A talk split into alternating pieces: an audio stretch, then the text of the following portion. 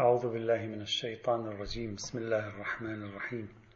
الحمد لله رب العالمين والصلاة والسلام على سيدنا محمد وعلى آله الطيبين الطاهرين. ما زلنا نستعرض مجموعات الآيات القرآنية التي استدل أو يمكن أن يستدل بها على النظرية الأولى من النظريات الأربع في مسألة النزول اللفظي والمعنوي للقرآن الكريم وهي النظرية المشهورة القائلة بالنزول اللفظي والمعنوي معا. وصل بنا المطاف إلى المجموعة العاشرة وهي نصوص نسبة القراءة والإقراء إلى الله تبارك وتعالى. كقوله تعالى سنقرئك فلا تنسى وقوله تعالى لا تحرك به لسانك لتعجل به إن علينا جمعه وقرآنه فإذا قرأناه فاتبع قرآنه ثم إن علينا بيانه.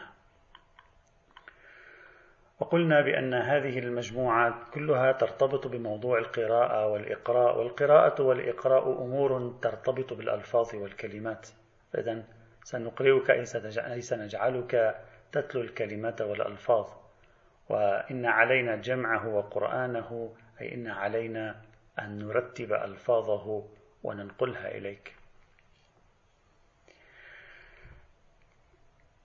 في درسنا السابق قلنا لابد في البداية من أن نتوقف عند تحليل آه، مفردة القراءة في اللغة العربية، قلنا القراءة في اللغة العربية تعني الجمع والضم، ومنه سمي التلفظ بالكلمات والحروف قراءة لأن التلفظ بالكلمات والحروف هو نوع من الجمع والضم لها بحيث يتكون من جمعها وضمها جمل ومقاطع وما شابه ذلك. طيب بناء على آه، ذلك المدخل قلنا لابد أن نحاول تحليل الآيات الواردة في سورة القيامة بالخصوص إن علينا جمعه وقرآنه وما شابه ذلك. وقلنا يمكن طرح أربع فرضيات تفسيرية هنا لنرى ما هو الأوفر حظا من هذه الفرضيات التفسيرية آه، في المقام. وما هي صلته بنظرية النزول اللفظي والمعنوي أو بنظرية النزول المعنوي. الفرضية الأولى كانت أن يكون النازل على النبي هو الألفاظ. شرحنا كيف سيكون معنى هذه الآية هذه الآيات القرآنية الكريمة بناء على النزول اللفظي. وبينا أنه ممكن الآيات تتحمل معنى النزول اللفظي مبدئيا. الفرضية الثانية أن يكون النازل على النبي هو المعاني. نفرض أن الذي نزل على النبي فقط هو المضمون المحتوى والنبي هو الذي يقوم بإنشاء الألفاظ. ماذا سيكون معنى الآيات هنا؟ أولا نحلل معنى آية سورة الأعلى سنقرئك فلا تنسى ثم نأتي نحلل آيات سورة القيامة. بالنسبة لآيات سورة الأعلى سنقرئك فلا تنسى ماذا سيصبح معناها على تقدير؟ أن النزول معنوي فقط. سيصبح المعنى هكذا. رجوع إلى الجذر اللغوي لكلمة قراءة. يعني سنقرئك فلا تنسى تفيد إننا سوف نجعلك تجمع في قلبك المعاني فلا تنساها. سوف تضمها وتجمعها. فالقراءة هنا بمعنى الجمع والاحتواء وفقا لجذر الدلالة اللغوية. بل أكثر يمكن لأنصار النزول المعنوي أن يتحمسوا أكثر هنا ويدعوا مثلا يقولون هذا متناسب مع طبيعة العلاقة التي وضعتها الآية بين القراءة والنسيان. سنقرئك فلا تنسى. سنجمع الموحى في قلبك فلا تنساه. إذ لو كان المعنى أننا سوف نجعلك تقرأ الألفاظ فلن يكون هناك وجه للربط بين القراءة والنسيان. لأن التعقيب بالفاء في قوله فلا تنسى خاصة بناء على أن اللام هنا هي لام النفي وليست لام النهي أي سنقرئك وبعد ذلك لن يكون منك نسيان مثلا. التعقيب بالفاء لن يكون مفهوما. يعني سيصبح معنى الآية هكذا إننا سنجعلك تقرأ الآيات وبعد ذلك لا يتحقق لا يكون نسيان وهذا غير منطقي. فأنا إذا قلت لك سأجعلك تقرأ هذا الكتاب وبإقداري لك على قراءته لن تنساه. هذا كلام غير مفهوم. يعني لأنني جعلتك تقرأ الكتاب إذا أنت لن تنساه. مجرد القدرة على القراءة بالمعنى اللفظي السائد لن يحقق افتراض ارتفاع النسيان. بينما لو فسرنا القراءة هنا فسرناها بالجمع والضم بالجمع والاحتواء. سيكون المعنى سليما جدا سيكون معنى الآية هكذا. سنجعلك تضم المعاني والمفاهيم وتحويها وتجمعها في قلبك.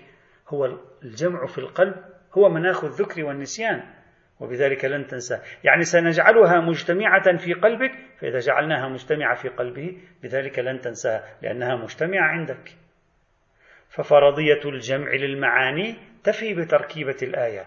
على خلاف فرضية القراءة بمعنى النطق بالألفاظ فهي لا تفي بفرضية ارتفاع النسيان. بتعبير آخر إذا كان المعنى هكذا سنجعلك تقرأ الآيات إذا فلن تنساها. هذا يبدو غير منطقي. أما إذا قلت سنضع المعاني والمفاهيم مجتمعة في داخل قلبك إذا فلن تنساها سيكون أكثر انسجاما. قد تقول فليكن معنى القراءة هو الجمع. لكن لماذا لا نقول جمع المعاني والألفاظ في قلبه؟ فلماذا حصرتموها بالمعاني مع أنه لا ملازمة بين الجمع وبين خصوص المعاني؟ الجواب هو ما قلناه مرارا وتكرارا. نحن هنا نبحث في أن الموحى به هو الألفاظ حتى الآن لم يثبت لنا أن الموحى به هو الألفاظ.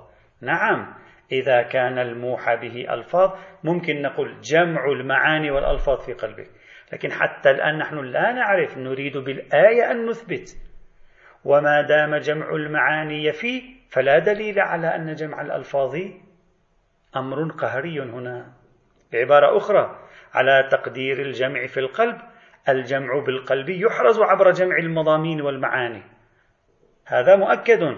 أما جمع الألفاظ فهو محل الكلام فكيف نفرضه مقدمة مفروغا منها؟ وقلنا في بداية هذه المحاضرات علينا دائما أن ننتبه إلى أن الأفكار النمطية التي عندنا علينا أن نضعها جانبا.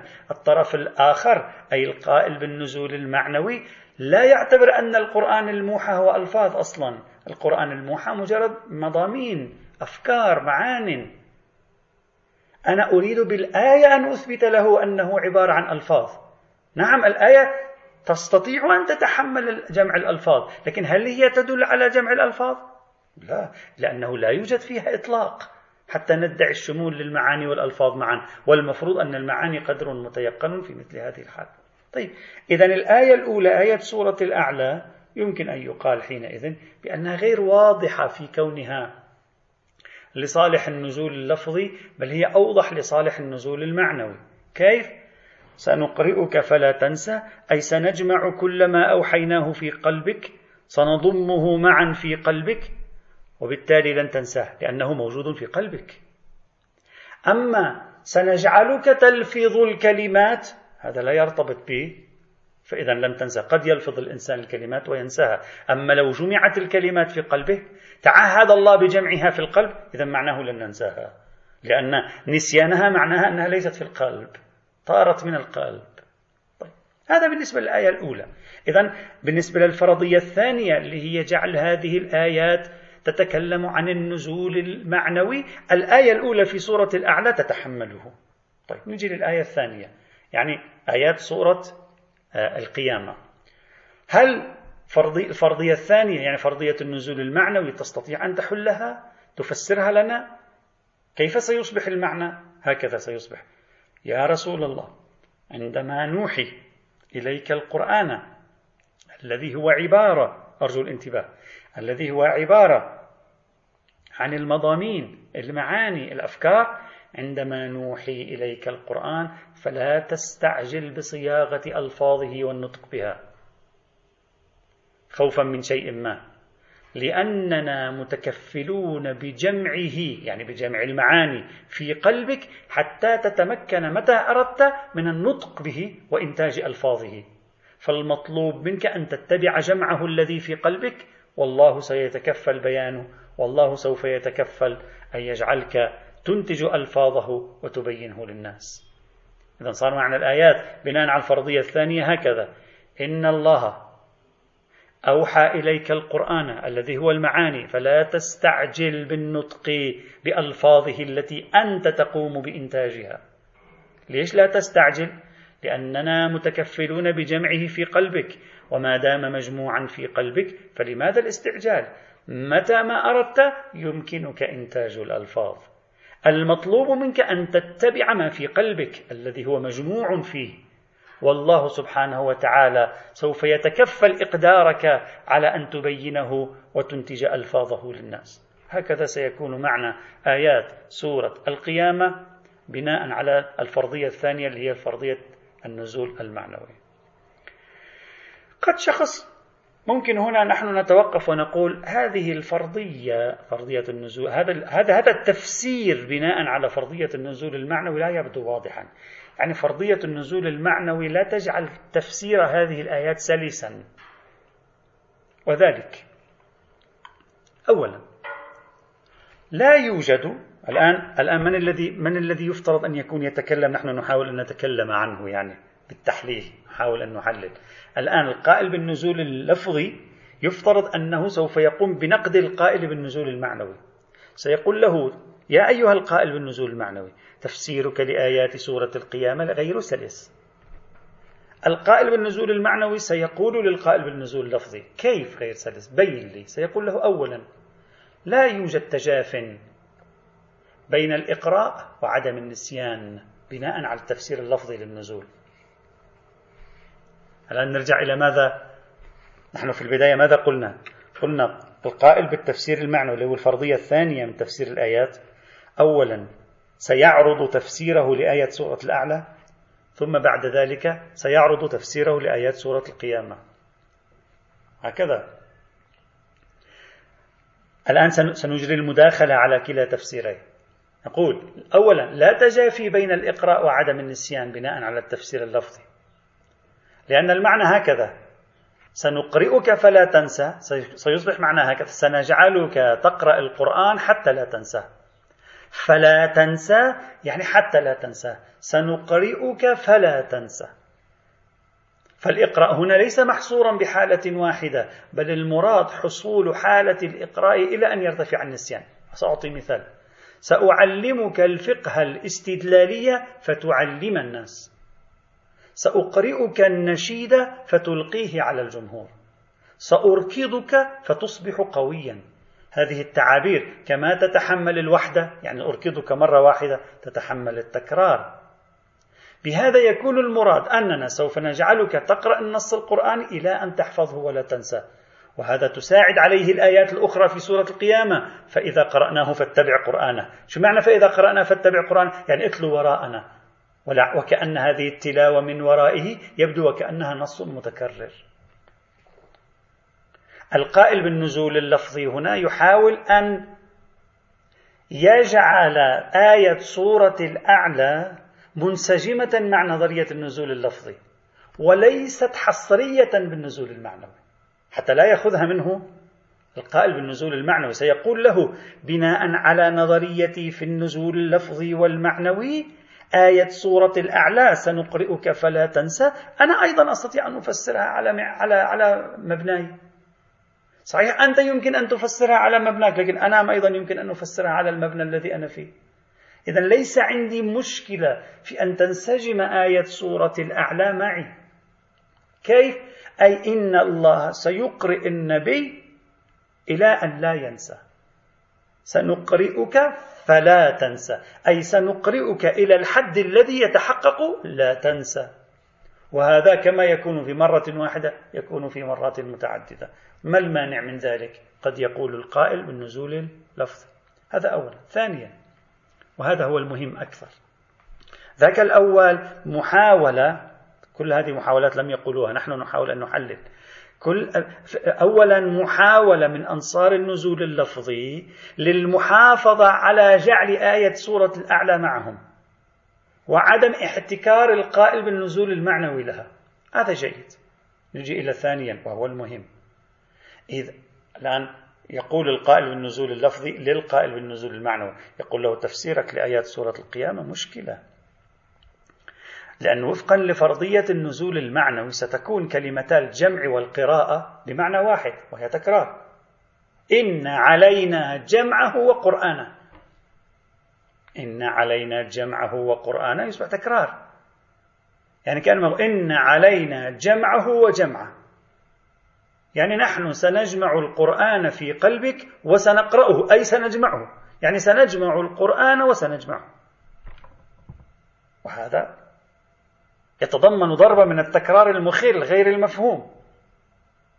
يتضمن ضربا من التكرار المخل غير المفهوم. لأن على مبانيكم الجمع هو نفسه القراءة. فسيكون هناك تكرار مع أن الأنسب في الآية بحسب الفهم اللغوي أن يكون جمعه هنا مختلف شيئا ما عن قرآنه. يعني نجمعه ونقرأه لك. بعد جملة فإذا قرأناه فاتبع قرآنه. ستكون بهذا المعنى. فإذا جمعناه في قلبك فاتبع جمعه. ما معنى اتبع جمعه في قلبك؟ إلا إذا مقصودكم اتباعه الجمعي يعني بمعنى التطبيق العملي لما فيه. وهنا كان الأنسب أن تقول الآية فإذا جمعناه في قلبك فاتبعه وليس فاتبع جمعه. فبناء على النظرية المعنوية تبدو آيات سورة القيامة تواجه ارتباكا تفسيريا. بينما لو أخذنا بالنزول اللفظي سيكون معنى الآيات جميلا. عندما نقرأه اتبع قراءتنا له. يعني قل ما نقول ولا تقل قبل أن نتم القراءة. تنتهي القضية. إذا بناء على هاتين الملاحظتين بإمكان القائل بالنزول اللفظي أولا أن يحافظ على بقاء آية سورة الأعلى سنقرئك فلا تنسى معه ليست متنافرة معه. ثانيا سوف يربك عملية تفسير القائل بالنزول المعنوي لآيات سورة القيامة. تارة من جهة ظاهرة التكرار غير المفهوم بين فإذا, جمع فإذا إن علينا جمعه وقرآنه. وثانيا من خلال تركيبة غير مفهومة فإذا قرأناه فاتبع قرآنه فإن هذا غير مفهوم. وبهذا يمكن للقائل بالنزول اللفظي أن يجعل فرضية النزول المعنوي عاجزة. انتبهوا جيدا. عاجزة عن التعامل مع آية مع آيات سورة القيامة تعاملا جيدا. هذا أولا. وثانيا غير قادرة على أن تسحب من تحت بساط القائل بالنزول اللفظي تسحب من تحت بساطه آية سورة الأعلى. فآية سورة الأعلى بقيت مع القائل بالنزول اللفظي وآيات سورة القيامة لم يعد القائل بالنزول المعنوي قادرا على أن يفسرها لنا بشكل جيد معجودة كاملة. إذا صار عندنا فرضيتان الآن تفسيريتين. الفرضية الأولى في تفسير الآيات هي فرضية تفسيرها وفقا للنزول اللفظي. الفرضية الثانية في تفسير الآيات هو فرضية تفسيرها وفقا للنزول المعنوي لكن هل انتهت الفرضيات التفسيرية هنا؟ لا. يمكن إضافة فرضيتين تفسيريتين بعد. فرضية تفسيرية الثالثة. تفسر هذه الفرضية تفسر لنا الآيات بطريقة خارجة عن كل هذا المناخ. خارجة عن كل هذا المناخ. كيف؟ تقول المراد يعني لا تحرك به لسانك لتعجل به المراد هكذا أن لا تعلن القرآن وتحرك لسانك به فتستعجل نقله للناس. بل اصبر حتى نجمعه. شو يعني هذا الكلام؟ خلونا نتأمل قليلا في معنى هذه الفرضية التي نطرحها. معنى هكذا ممكن الرسول تنزل عليه آية فهو مباشرة يريد أن يذهب يقولها للناس. يقول له اصبر اصبر. اصبر حتى تلتئم مجموعة من الآيات لأننا نريد أن ننقلها ملتئمة. تنزل عليه آية أول المغرب بعد ساعة تنزل آية ثانية بعد ساعة تنزل آية ثالثة بعد ساعة تنزل آية رابعة بعد فإذا طلع الفجر التأمت مجموعة من الآيات أربعة خمسة سبعة عشرة عشرين مئة مئتين. بعد الالتئام الآن أيها الرسول اذهب ألقي المجموعة ملتئمة للناس. نحن نريدها إلقاءها ملتئمة للناس لا متفرقة. فاصبر لماذا تستعجل عندما نوحي إليك؟ حاولوا أن تفهموا الفرضية الثالثة. لا, لا تناقش في البداية. دائما خلينا نفهم الفرضية. الآيات هذه لا علاقة لها إطلاقا بكل هذا الموضوع الذي تتكلمون عنه أنتم أيها القائلون بالنزول اللفظي وأنتم أيها القائلون بالنزول المعنى كل ما تريد هذه الآيات هكذا. لا تعلن القرآن أيها النبي وتستعجل نقله للناس اصبر حتى نجمعه كأن هناك نزولا لآية منفصلا عن آية. كأن النبي يعلن الآية التي نزلت. طلب منه القرآن أن يتريث.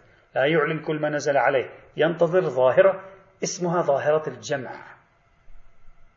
وكأن المطلوب انتظار نزول مجموعة من الآيات حتى يتم إعلانها. يعني لازم يكون عندنا package كامل. لا يستعجل بآية أو بنصف آية. إذا الآيات هنا تريد أن تطلب منه التريث حتى تجمع المقدار المطلوب وتتم القراءة. وللسبب عينه تطلب منه في حال نزول القرآن أن يتبع ما وصله. ما معنى يتبع ما وصله؟ يعني نزلت هذه الآية أنت عليك اتباعها. لكن ليس عليك أن تقولها للناس. يعني اتبع مضمونها ما مشكلة. مطلوب منك الاتباع. أما مضمونها للناس اصبر لا تنقله الآن. دعها تلتئم مجموعة متكاملة متراصة كأنها جمان منضود ثم أنقلها حينئذ للناس. لكن أنت اتبعها إذا نزلت. لكن الناس لأنهم لم يعرفوا بعد بها لا معنى لأن نأمرهم باتباعها. فرضية جميلة. إذا الآيات تريد أن تطلب منه التريث. إلى أن يجتمع مقدار ما مطلوب تتم قراءته. ولهذا هي تطلب منه أن يتبع ما وصله لكن لا يبينه للناس حتى يتم الجمع. ومن هنا قالت الآيات بعد ذلك ثم إن علينا بيانا. يعني بعد أن تنزل الآيات آية تلو الآية خلال ساعات أو خلال أيام لا تخاف. نحن نتعهد بالبيان. للناس فيما بعد. أنت فقط اعمل بها وخليها في صدرك. لا تخاف تروح تستعجل تعطيها للناس.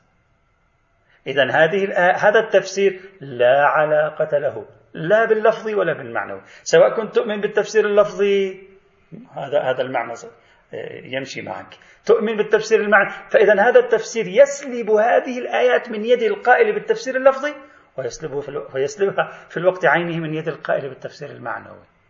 وبذلك تصبح آيات سورة القيامة من من الآيات التي لا ينبغي لأحد من الطرفين أن يستدل بها في المقام. أصلا خارجة عن السياق. خارجة عن السياق. لكن قد قد قد شخص نحن نتأمل في, في, في نحن نحلل ونطرح الفرضيات نتأمل في داخلها. نذهب ثم نرجع نذهب ثم نرجع. قد شخص ممكن يقول نظرية النزول اللفظي قادرة على تفسير التعهد ببيان القرآن. لأن النبي عندما يستعجل بالتلفظ بالقرآن هو في الحقيقة يهدف ضبط القرآن وحفظه كما توحي بذلك آية سورة الأعلى أيضا. من المؤمن أن من الممكن أن الله يأمره بالتقيد بالسماع في مرحلة الإيحاء ذاكرا له أن مرحلة البيان مكفولة. فأنت لن تنسى لو لم تكرر وتستعجل بالنطق بل البيان علينا ونحن كفيلون البيان علينا يعني الألفاظ علينا. ثم إن علينا بيانه يعني الألفاظ علينا. فممكن القائل بنظرية النزول اللفظي يقول نظريتي تستطيع أن تفك هذه الآيات بناء على الفرضية الثالثة. لكن نظرية القائل بالنزول المعنوي عاجزة عن أن تفك هذه الآيات بناء على الفرضية الثالثة.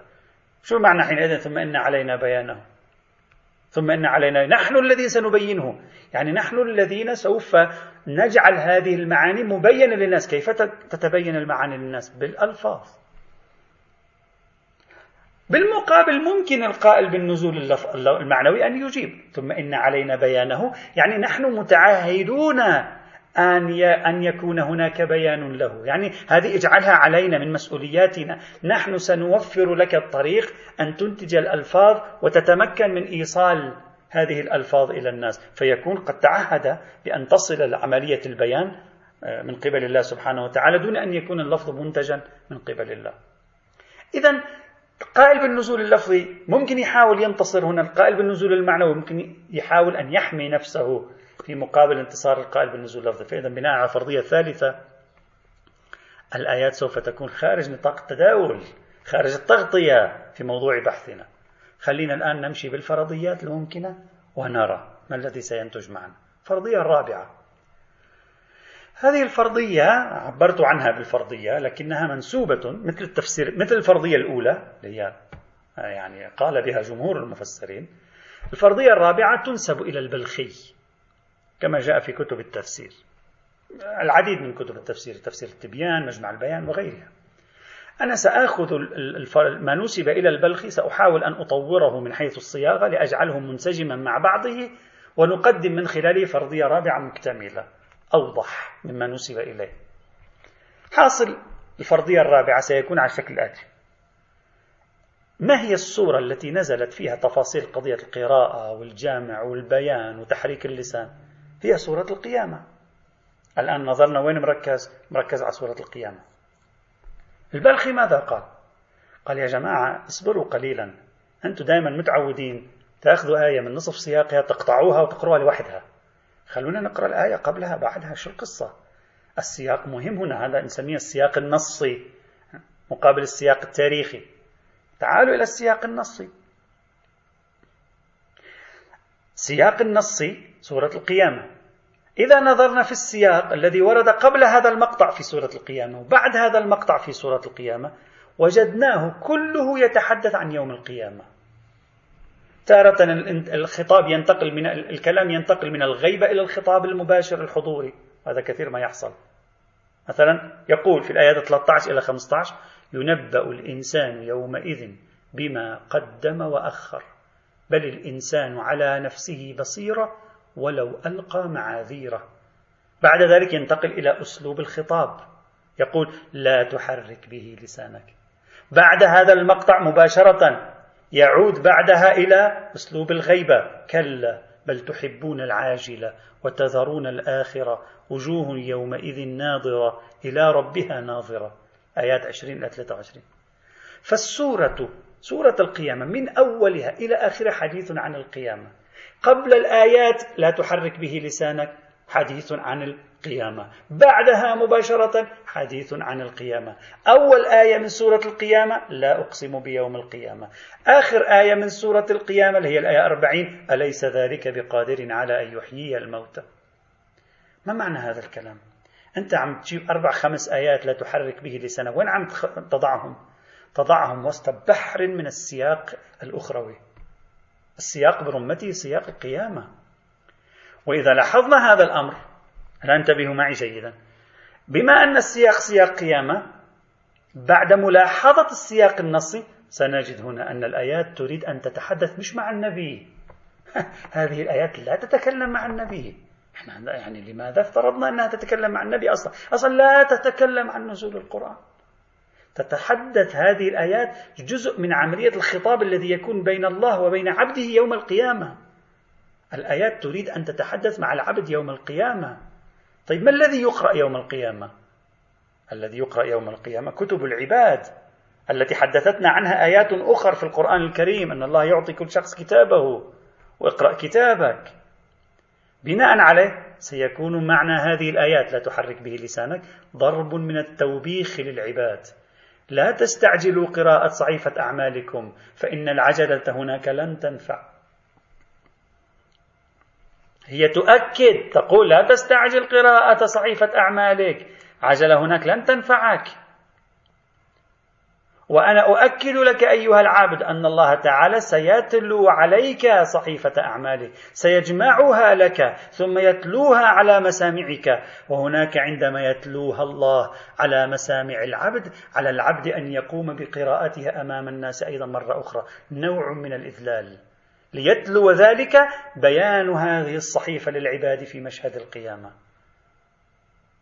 إذا هذه الصورة التي تريد أن تحدثنا عنها هذه الآيات لا علاقة لها بعالم الدنيا لا علاقة لها بعالم الوحي أصلا خارج عن كل هذا الموضوع. سيصبح معنا الآية هكذا أيها العبد لا تستعجل تحرك لسانك بصحيفة أعمالك. اصبر اصبر أنت جاي تتكلم وتنطق بما في صحيفة أعمالك نحن سنجمع كل أعمالك سنقرأها عليك ستتلو وسيبين ذلك أمام الناس جميعا يوم القيامة لماذا ذهب البلخي إلى ذلك؟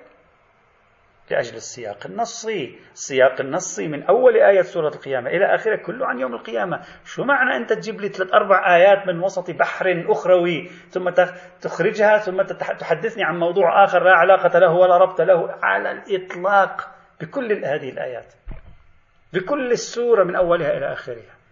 إذا بناء على الفرضية الرابعة اللي هي التفسير المنسوب إلى البلخي ينتج الآتي الآيات هذه لا علاقة لها بموضوع بحثنا.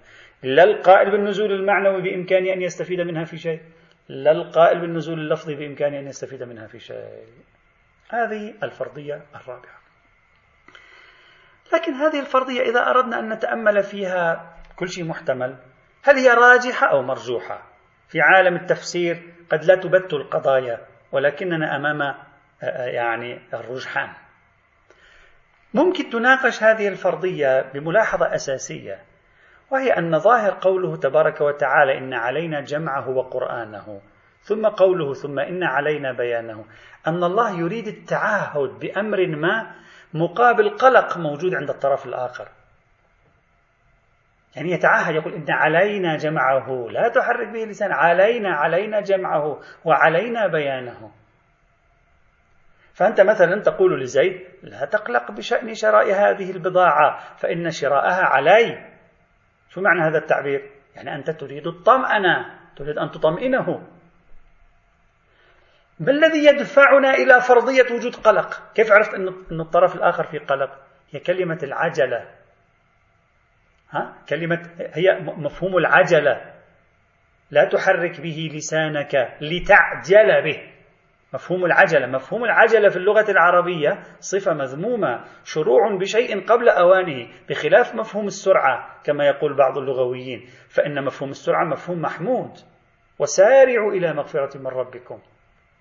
مفهوم السرعة مفهوم محمود مفهوم العجلة مفهوم غير محمود. وخلق الإنسان عجولا. إذا لما قال لا تحرك به لسانك لتعجل به يعني الطرف الآخر يأتي بالشيء قبل أوانه فكأنه حريص عليه. فكأنه حريص عليه يريده. قلق من زواله فيعجل ويبدأ به قبل وقته.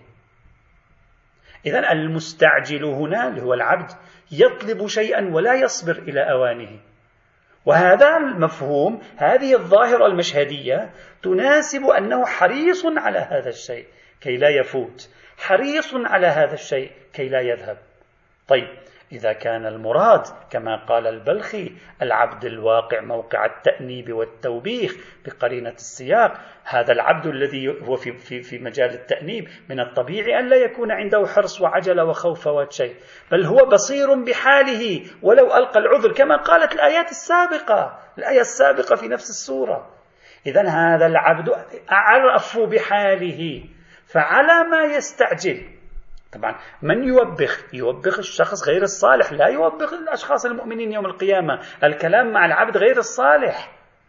هو الذي هو محل التوبيخ يوم القيامة. وإلا المؤمن لا يكون محل التوبيخ يوم القيامة. كما هو المفهوم من السياقات القرآنية برمتها أن المؤمنين ليسوا موضع التوبيخ يوم القيامة بل هم موضع تكريم. إذا هذا الذي أنت تقول هذا في مقام توبيخ العبد. من هو العبد الذي يوبخ يوم القيامة؟ العبد الذي يوبخ يوم القيامة هو العبد غير الصالح. طيب الآية التي قبلها قالت بل الإنسان على نفسه بصيرا ولو ألقى معاذيره. إذا هو يعرف حاله. فعلى ما هو حريص على أن يقرأ كتابه قبل الأوان. وهو يدري أن كتابه مليء بالمشاكل والسيئات. خلينا نشوف سيناريو القصة منسجم أو لا. بناء على هذا ليس منسجم السيناريو. كيف يستعجل حتى لا يفوت شيء من كتابه؟ والمفروض أنه يعرف ما في كتابه وأعرف بحاله والمفروض أن حاله حال غير جيد بقرينة مفهوم التوبيخ. إذا هذا السياق الداخلي للمقطع هو الذي جعل المفسرين يفصلون المقطع عن السياق العام المحيط بسورة القيامة على ما يبدو. وإلا لا ينسجم هذا الكلام. ولا ولا ولا يقترب من بعضه أضف إلى ذلك أكثر بعد.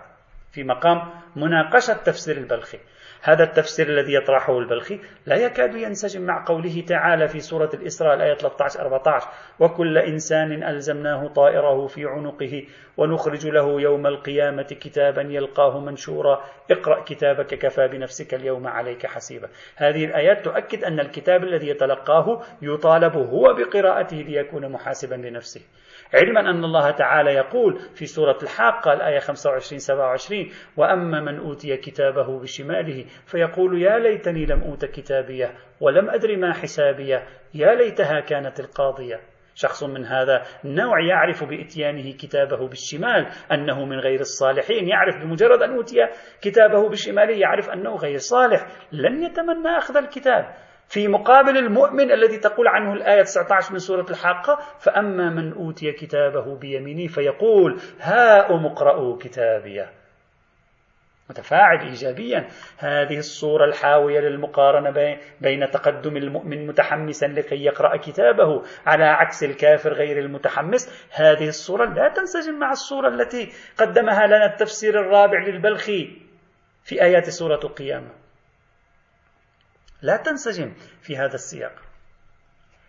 لكن توجد آية قرآنية تقول أرجو الانتباه إليها في سورة الإسراء الآية 71 72 تقول يوم ندعو كل أناس بإمامهم فمن أوتي كتابه بيمينه فأولئك يقرؤون كتابهم ولا يظلمون فتيلا.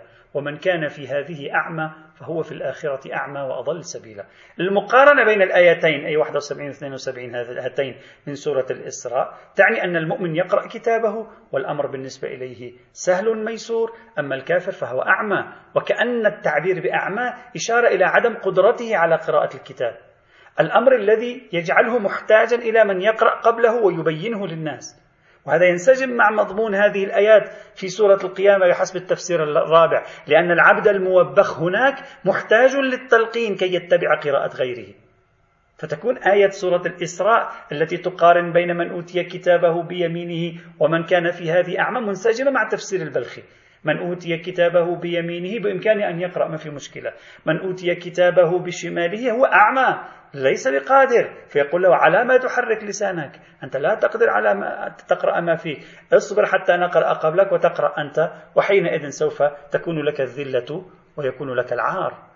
فقد شخص يمكن حينئذ أن يوظف آيات 71 72 من سورة الإسراء لكي ينتصر لتفسير البلخي في آيات سورة القيامة. إلا أن الملاحظة التي ذكرتها آنفا تفرض علينا التخلي عن هذا التفسير هنا رغم أنه في نفسه وجيهنا لكن تفرض علينا التخلي. لماذا؟ لأن سائر الآيات أيضا تأمره بالقراءة وأن نفسه محاسبة له. يعني في النهاية لا أستطيع أن أفهم من كلمة ومن كان في هذه أعمى أنه غير قادر على القراءة لأن المفروض أن الآيات تأمره بالقراءة.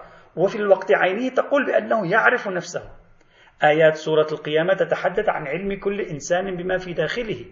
طيب إذا أتينا إلى هاتين الآيتين الأخيرتين تكشفان عن حصول تمايز بين الفريقين قبل قراءة الكتب. من خلال دعوة كل فريق بإمامه هذا الامتياز حاصل قبل القراءة. إذا فلماذا يستعجل العبد الموبخ في آيات سورة القيامة قراءة الكتاب؟ ما دام هو يعرف لماذا يريد أن يستعجل؟ وهو المفروض أنه أعمى. والمفروض أنه يعرف ما في داخل الكتاب. فما الذي يجعله حريصا على أن يتكلم؟ حتى تأتي الآيات تقول له إنك أعمى اصبر لا تتكلم لا تستعجل. نحن سنكون متعهدين بأن نقرأ لك وأنت تقرأ خلفنا. ما زالت القضية غير واضحة. وعليه آيات سورة الإسراء الأخيرة تعني سهولة واطمئنان أهل اليمين في قراءتهم كتبهم. فهو يريد الإخبار عن قراءتهم للكتب كناية عن اطمئنان. لأن الذي يقرأ كتاب نفسه هو إنسان مطمئن. على خلاف غير المطمئن العارف وهو على بصيرة من أمره بما فعله في الدنيا. هذا عادة يتحرز عن قراءة كتابه. يصعب ذلك عليه. يعرف أن هذه فضيحة. وهذا يعزز فرضية أنه من البعيد أن يكون هذا المستعجل المحرك للسانه في آيات سورة القيامة هو العبد العاصي. فليس الغرض من وصف العمى هو المقابلة مع وصف القراءة من حيث عدم القدرة على القراءة لا حتى يحتاج للتلقين لأنه أعمى. وإنما هو ضم أمر إلى أمر. في عند ضم أمر إلى أمر يعني إضافة إلى ما فيه من مشاكل وما عنده من مشاكل هو أعمى. لا أنه إذا يقول هو أعمى إذا فهو لا يعرف القراءة إذا فيحتاج من يلقنه. لا. خاصة بشاهد أنه لا يوجد عطف بالفاء في الآية الثانية المتحدثة عن العمى. مع عدم وجود كلمة وأما المفيدة لإكمال التفصيل في آه، في المقام. وبناء عليه وبناء عليه. فهذه الفرضية الرابعة فرضية جميلة تنشأ عن مقاربة السياق النصي وهو مهم جدا وكثيرا ما يغيب عن الباحثين موضوع السياق النصي وأكثر من ذلك يغيب عنه السياق التاريخي. السياق النصي مهم إلا أن السيناريو الداخلي للمشهد يعني ما, ما دعوني أسميه السيناريو المشهدي الداخلي لا يستطيع أن يسعفنا في تقبل تفسير البلخي أي في تقبل الفرضية الرابعة في مثل هذا السياق. طيب إذا صار عندنا حتى الآن أربع فرضيات. فرضية التفسير بما ينسجم مع النزول اللفظي فرضية التفسير القراءة بمعنى التلاوة فرضية التفسير بمعنى ما ينسجم مع النزول المعنوي الفرضية الثالثة هي التي آه، تحدثنا عنها آه، في في فيما سبق والفرضية الرابعة هي التي تحدث عنها البلخي. طيب إذا هذه فرضيات رأينا هذه الفرضيات بعضها فيه مشاكل جزئية بعضها فيه مشاكل كلية بعضها متساوي النسبة قوته متعادلة شيء أقوى من شيء. الآن هل لدينا مقاربة مختارة لفهم نصوص القراءة والإقراء؟ كيف كيف ما هو الذي نراه الراجح والأرجح في فهم آيات سورة الأعلى من جهة وآيات سورة القيامة من جهة أخرى. أيه الأوضح؟ أيه الأجلى في فهم هاتين الآيتين؟ آية سورة الأعلى وآية سورة القيامة في هذا الصدد حتى الآن نحن ماذا فعلنا؟ نحن عرضنا الفرضيات الأربع حاولنا أن نحللها نكشف بعض المشاكل أو التحديات التي تواجه بعض هذه الفرضيات. وأحيانا بعض الفرضيات يمكن أن يكون صعب القبول وبعضه أقل صعوبة. الآن نريد أن نحلل ونرى كيف نحن نفهم هذه الآيات. بعد كل هذه المناقشات والمداخلات التي قمنا بها إزاء الفرضيات الأربع كيف نحن نفهم هذه الآيات؟ وهل من ثم هذه الآيات في سورة الأعلى وسورة القيامة تستطيع أن تكون نصيرا لنظرية النزول اللفظي؟ أو لا. فإنها من المجموعات القرآنية المهمة في المقام التي علينا أن يعني ندرسها بتأن وبمعرفة.